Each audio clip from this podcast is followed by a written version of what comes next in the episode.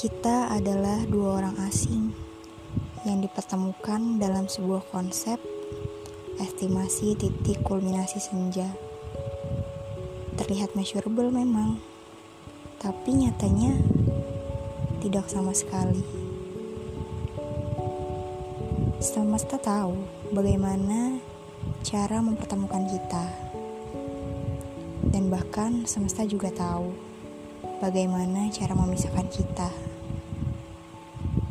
Namun, semesta lebih adil, semesta lebih mengerti bahwa aku dan kamu tidak akan pernah menjadi kita.